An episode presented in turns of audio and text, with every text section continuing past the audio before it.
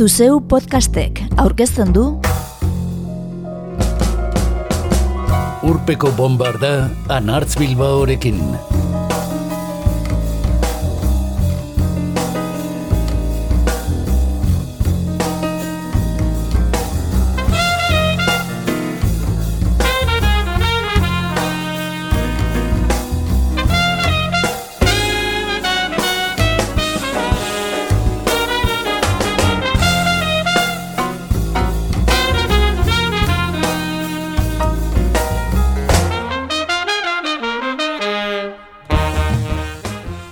Urpeko bombardan 2008an berrogeita mar urte bete dituzten lan gogoangarri batzuekin egin genuen saioa orain gutxi.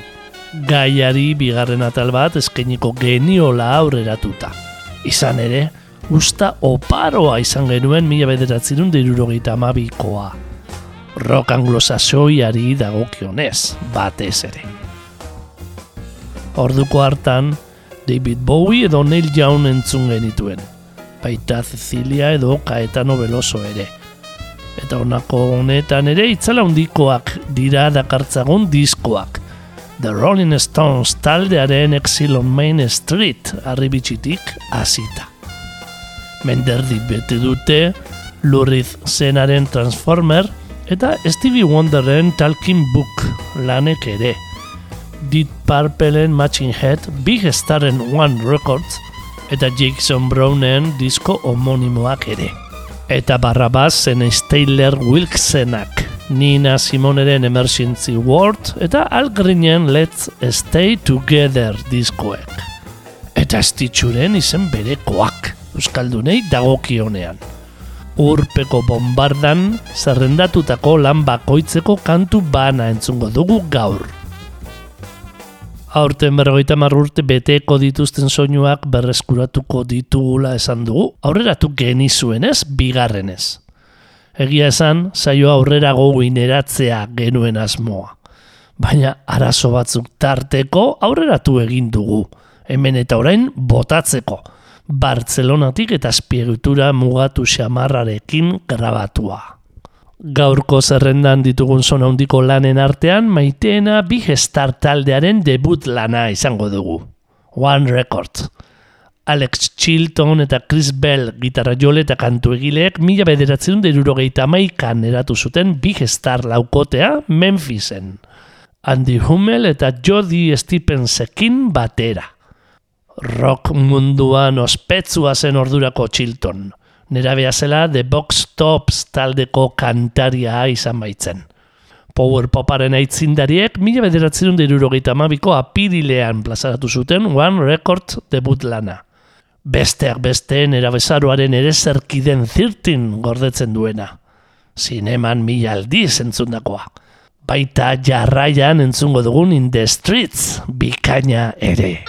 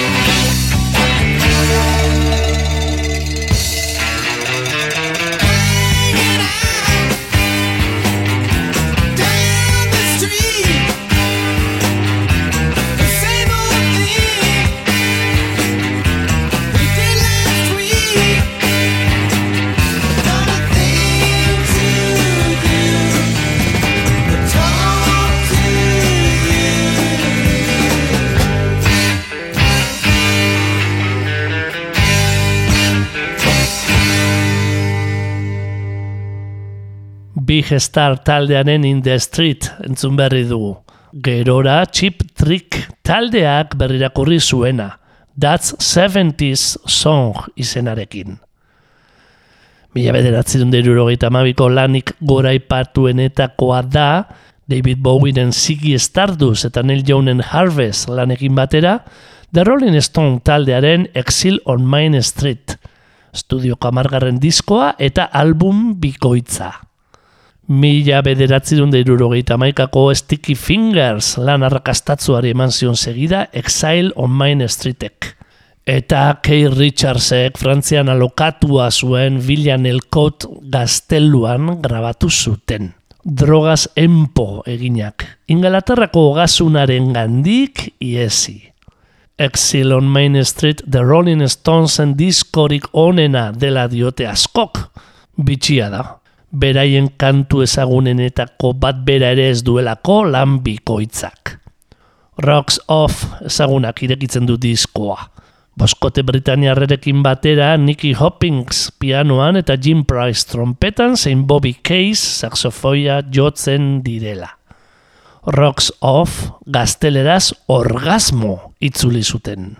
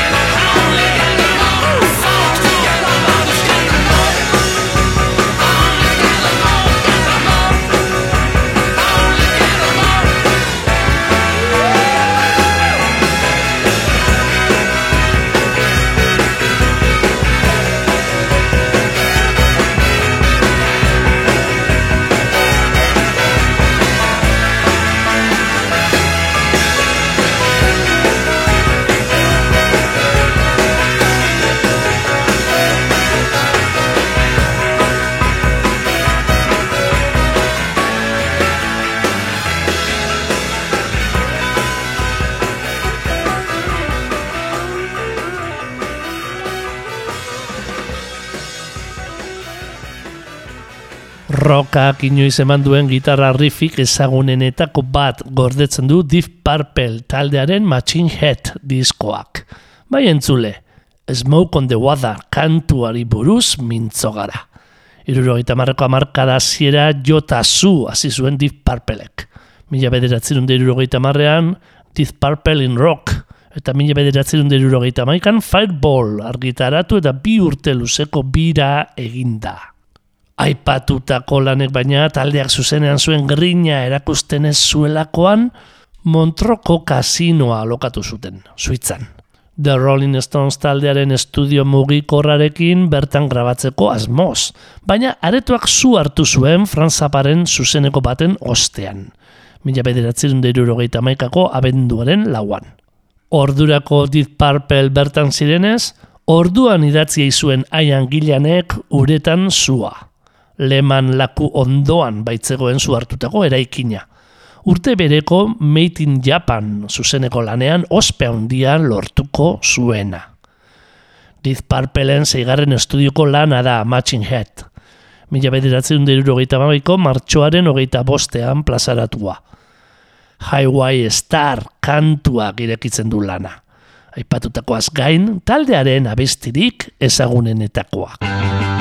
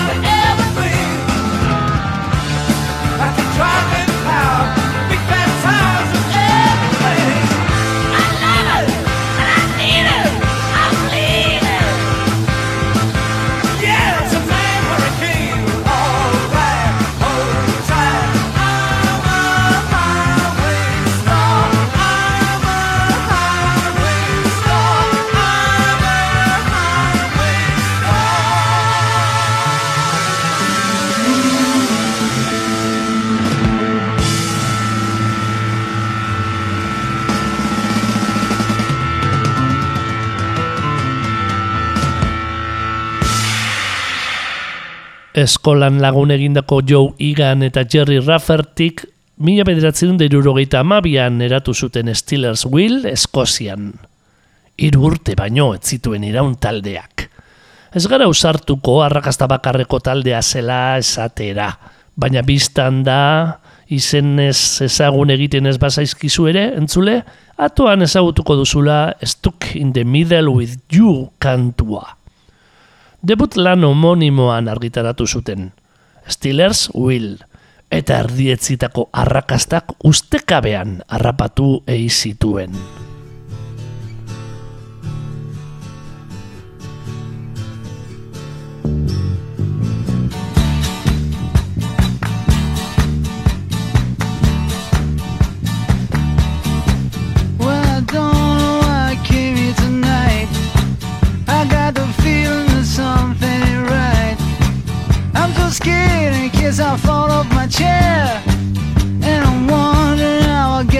Stairs. Clowns to the left of me Jokers to the right. Here I am stuck in the middle with you. Yes, I'm stuck in the middle with you. And I'm wondering what it is I should do. It's so hard to keep the smile from my face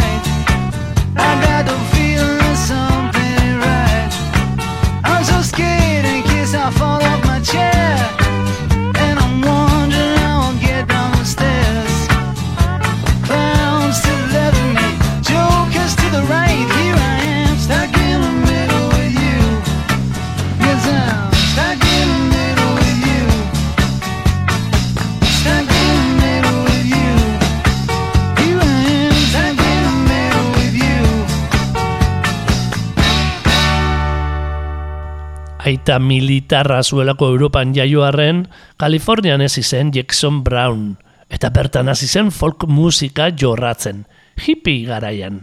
Aktivista antinuklear zutzua da Brown orain. Lehen arrakasta nera bezala beste musikari batzuentzako idatzi zituen kantuek eman zioten. Niko edo The Eagles talde itzaltzuentzako.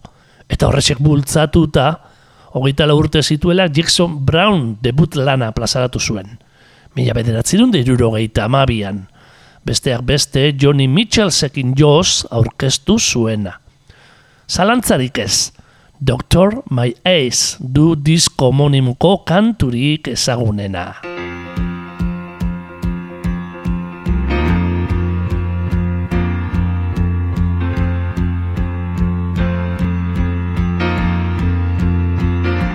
Doctor, my eyes have seen the years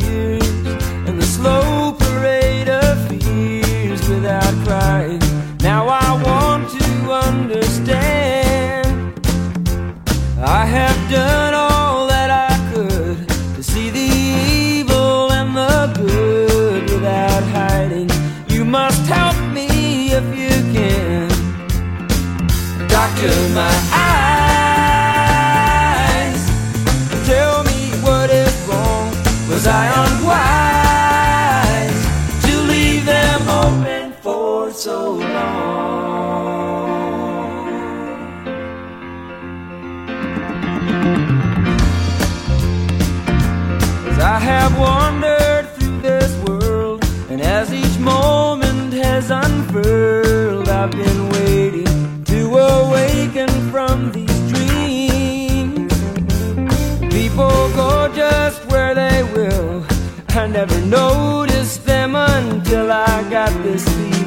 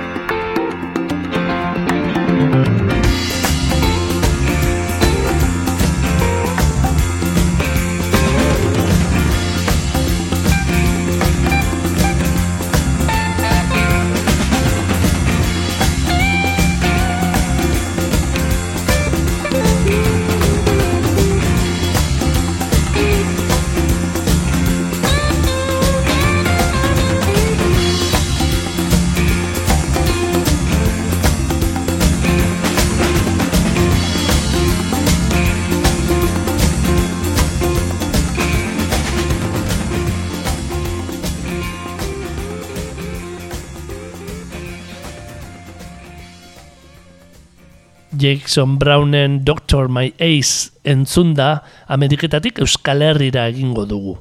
Estibaliz Robles Arangizek nahikoa izan zuen estitxu izena, gurean oso ezagun egiteko irurogeiko amarkada bukaeran, irurogeita amarreko amarkada hasieran. Bezkoitzeko urre txindorra legez ezaguna, kantari familia bateko kide genuen. Bere anaiek soroak eta aizpek ainarak taldeak eratu baitzituzten. Guztietan gazten zen ez ditu. Mila bederatzerun da larogeita amairuan, berrogeita sortzi urte baino ez zituela zendua. Eta arrakasta gehien erdietzi zuena, anaia arrebetatik. Ez bakarrik Euskal Herrian, baita Mexikon edo Venezuelan ere. Mila bederatzerun irurogeita sortzi, mila bederatzerun irurogeita maika bitartean, ez ditxuta daikiriz, eskualdun makila, bakarrik eta ez ditxu epeak plazaratu zituen. Iraupen ertaineko diskoak. Eta mila bederatzerun derurogeita amabian, lehen bilduma. Ez ditxu izenarekin eta Columbia Recordsen. Bertatik entzungo dugu, udaberria.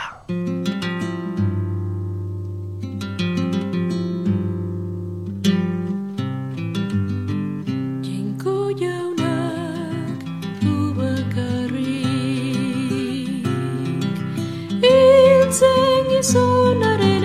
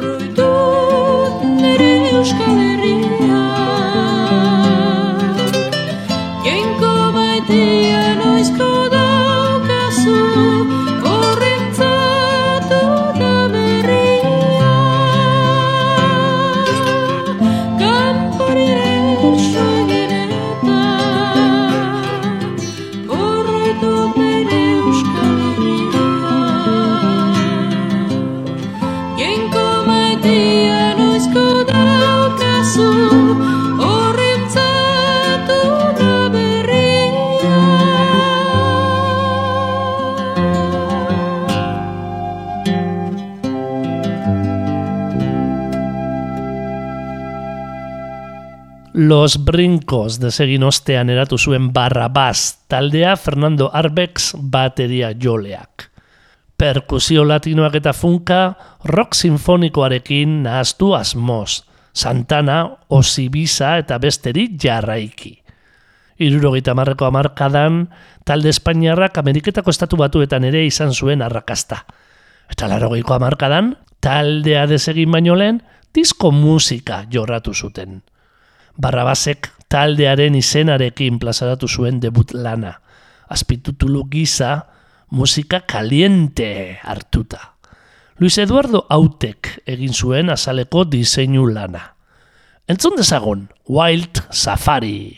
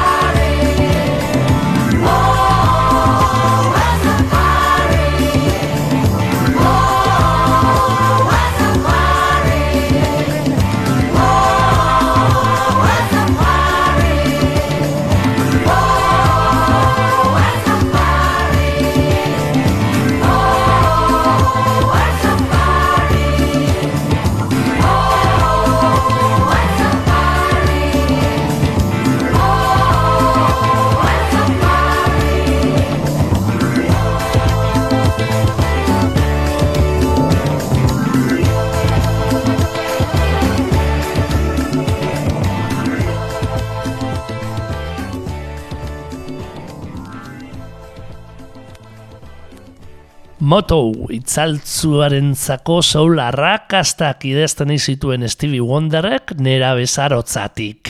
Baina bi minutu tardiko dantzarako kantuak ontzeaz nekatuta, soinu propioa bilatzeari ekin zion. Eta Talking Book plazaratu, hogeita bi urte baino ez zituenean. Horrela dio Carlos Marcos kasetariak El País egunkariko ¿Por qué son tan buenos estos 20 discos que cumplen 50 años artikuluan? Music of My Mind plazaratu ostean, mundu mailako ospea eman zion diskoa plazaratu zuen urte berean Stevie Wonderrek. Talking Book, bere nortasun musikala munduratu zuena. Funk zutzua, kontzientzia soziala eta kritika politikoa betirako gelditu diren baladak, eta bere marka bihurtuko zituen teklatuak, klaviretaren erabilerarekin.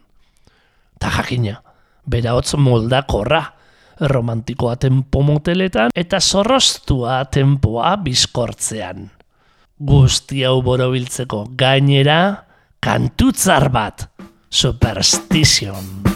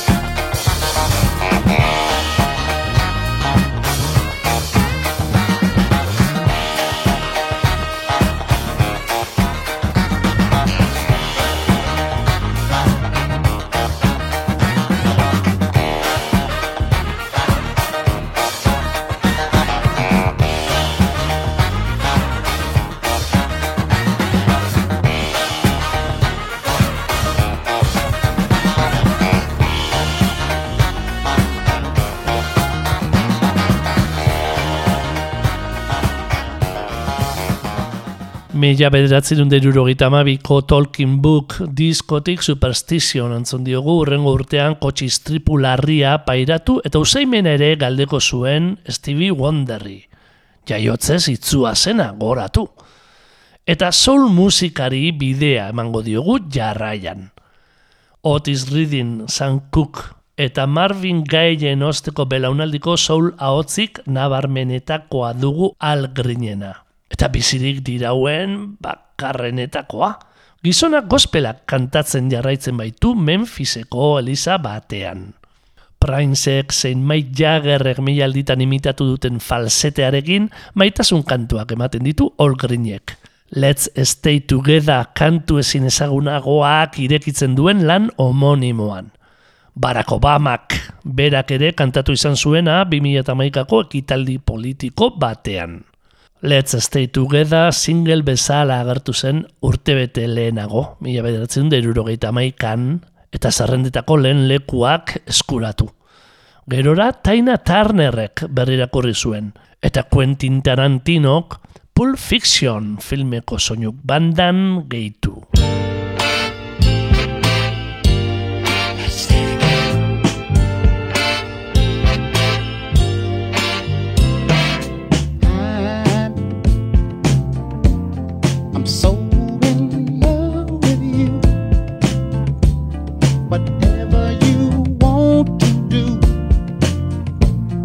is all.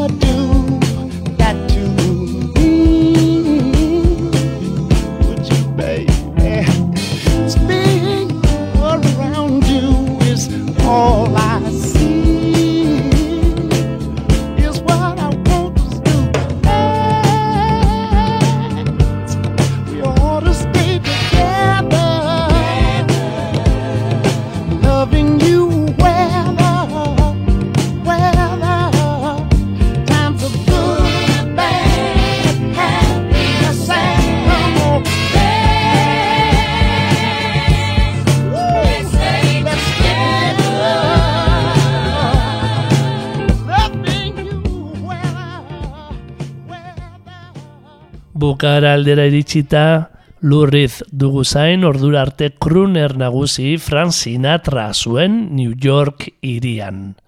The Velvet Underground gidatzetik zetorren lurrizek hogeita urte zituen eta porrot egina zen bakarkako debut lanarekin.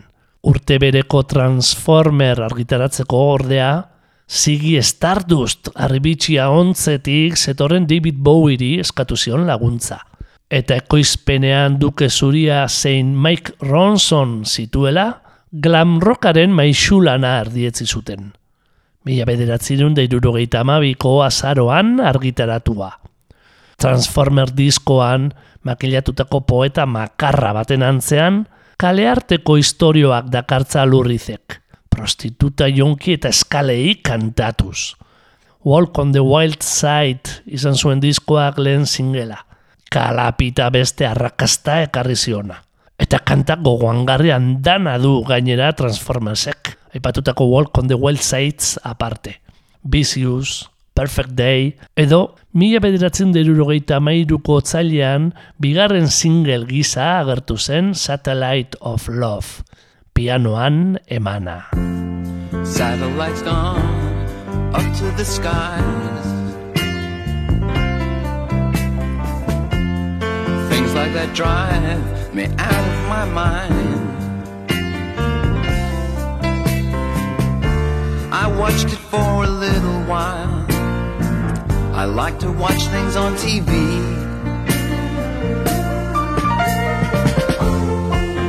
Satellite of love. Satellite of love. Satellite of love. Satellite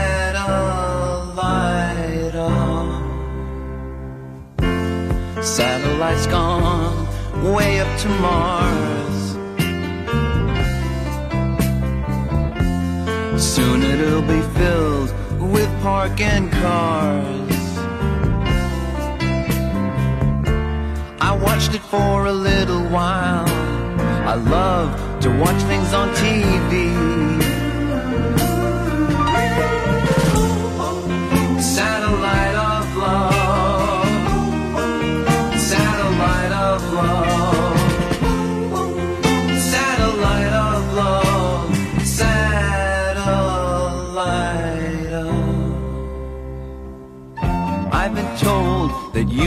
You've bold with Harry, Mark, and John. Monday and Tuesday, Wednesday to Thursday with Harry, Mark, and John. Satellites gone up to the skies. Things like that drive me out of my mind. It for a little while. I love to watch things on TV.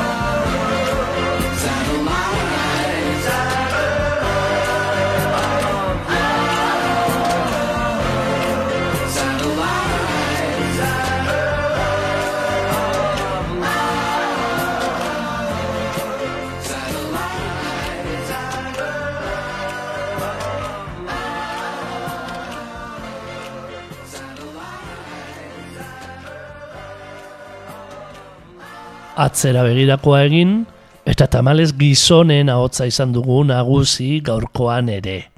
Nina Simone handia da emakume bakarra, estitxurekin batera.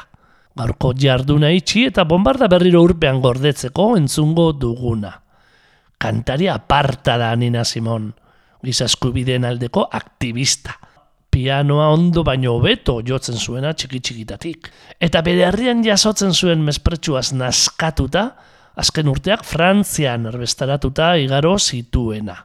Bertan hiltzen, irurogeita mar urterekin, bular minbiziak jota. Simonek berrogei urte betetzear zituen Emergency Word plazaratu zuenean.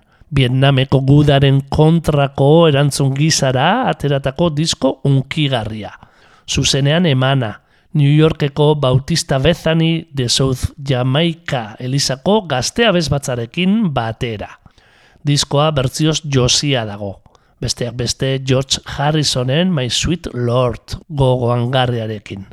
Bealdea, ordea, Lenny Bleacher Jeremy Winden Poppies kantuak irekitzen du.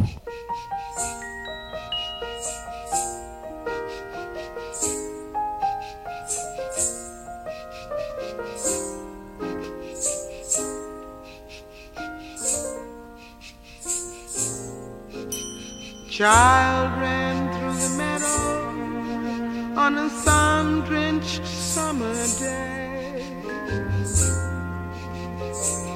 And then he stopped his play and